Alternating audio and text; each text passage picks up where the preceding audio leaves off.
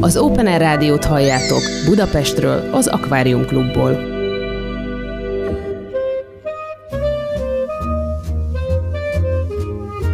Bőgő. Amit a magyar jazzről tudni kell. Izgalmas muzsikák és történetek, aki kérdez Balog Tibor, akik válaszolnak élő legendák és új titánok, vagyis a hazai jazz legnagyobb alakjai.